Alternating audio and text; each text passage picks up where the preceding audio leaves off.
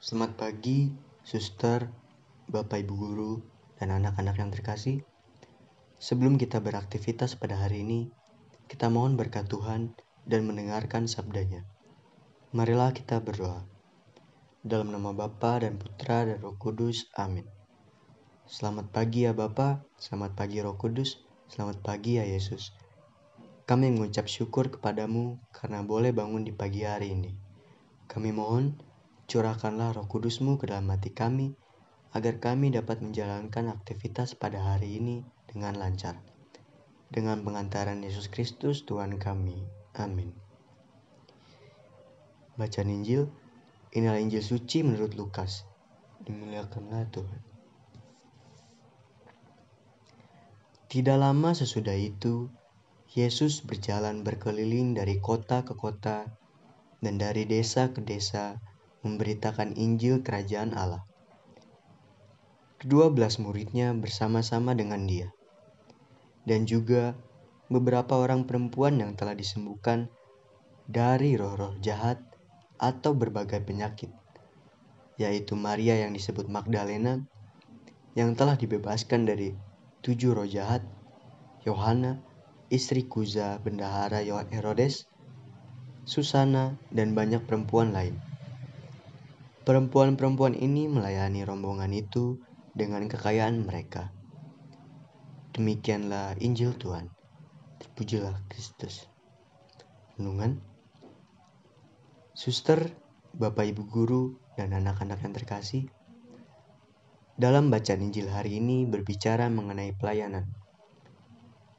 Berbicara mengenai pelayanan, saya mengingat pengalaman saya bersama pendamping misioner saya saya sering kali melihat beliau rajin ke gereja.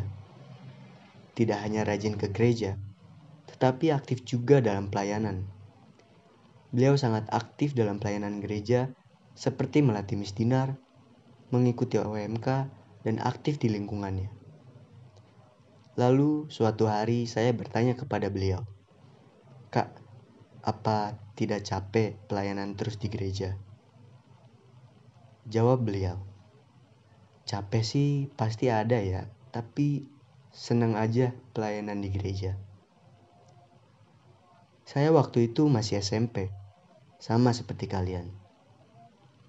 Masih belum mengerti apa yang dimaksud.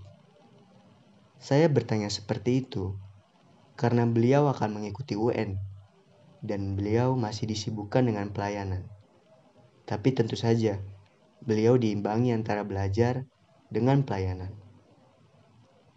Setelah beberapa bulan, beliau akhirnya lulus dengan nilai yang memuaskan dan diterima di perguruan tinggi yang ia minati.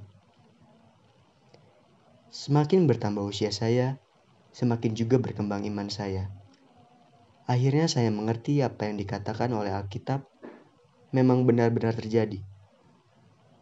Tetapi carilah dahulu kerajaan Allah dan kebenarannya, maka semuanya itu akan ditambahkan kepadamu. Dalam bacaan Injil, perempuan-perempuan melayani Yesus. Perempuan-perempuan itu melayani rombongan itu dengan kekayaan mereka. Kekayaan di sini bukan berarti melalui materi. Saya melayani, saya melayani Tuhan dengan cukup menyumbangkan uang yang banyak saja. Tidak, ini konsep yang keliru. Konsep yang dimaksud di sini adalah pelayanan yang tulus dan ikhlas kepada Tuhan. Bukan mengenai materi, melainkan mengenai hati. Marilah kita hening sejenak, kita merenung apakah kita sudah melakukan pelayanan yang tulus dari hati kita untuk melayani Tuhan.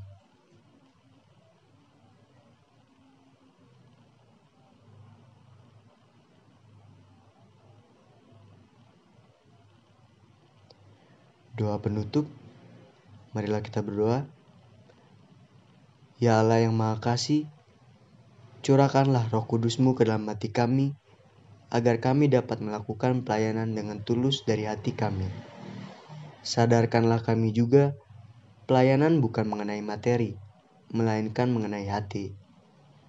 Dengan pengantaran Yesus Kristus Tuhan kami, yang hidup dan berkuasa, kini dan sepanjang masa. Amin.